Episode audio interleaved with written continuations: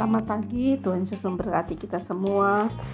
Biarlah hari ini adalah hari yang dijadikan Tuhan dan kita akan sama-sama merenungkan firman Tuhan dari Mazmur pasal 72.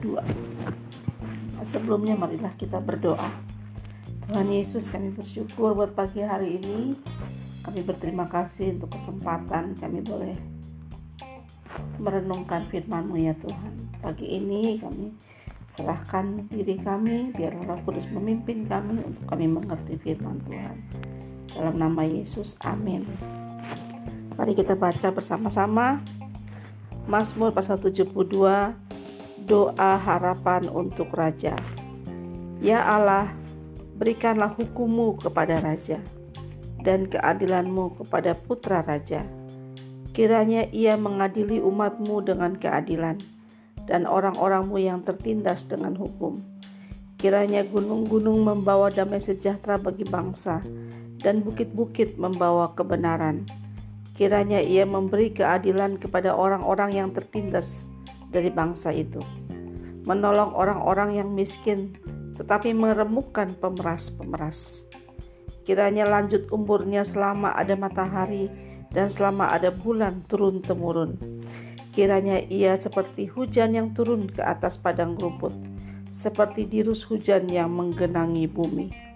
Kiranya keadilan berkembang dalam zamannya, dan damai sejahtera berlimpah sampai tidak ada lagi bulan. Kiranya ia memerintah dari laut ke laut, dari sungai Efrat sampai ke ujung bumi. Kiranya penghuni padang belantara berlutut di hadapannya dan musuh-musuhnya menjilat debu. Kiranya raja-raja dari Tarsis dan pulau-pulau membawa persembahan-persembahan.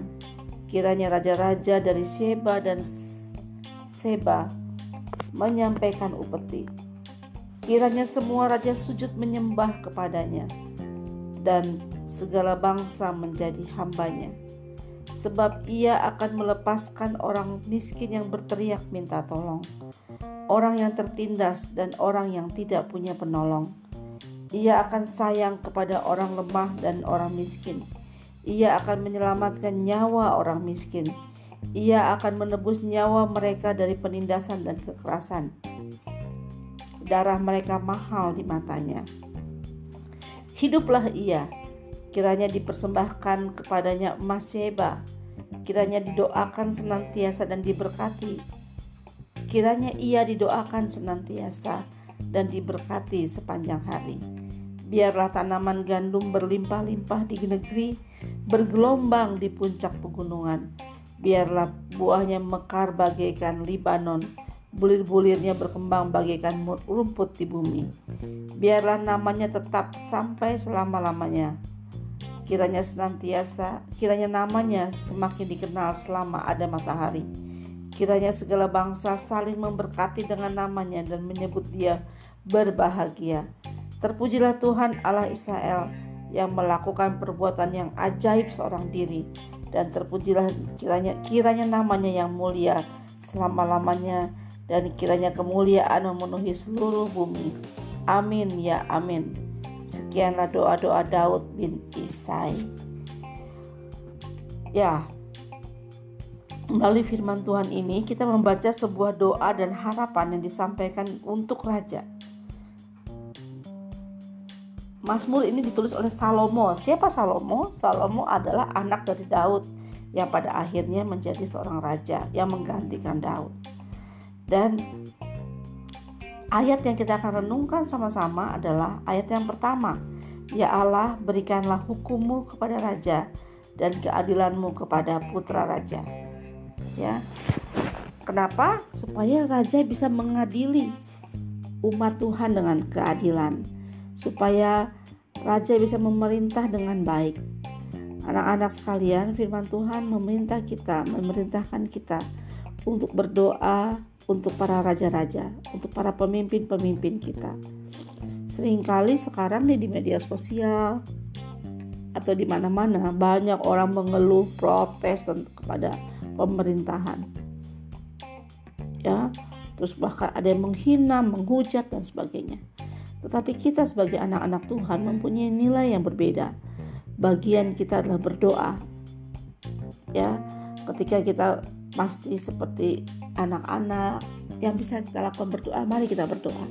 Sebagai orang tua, apa yang kita bisa lakukan ketika pemerintahan kita seperti sekarang Bapak Presiden Jokowi dan para menteri serta para pejabat sedang bertugas.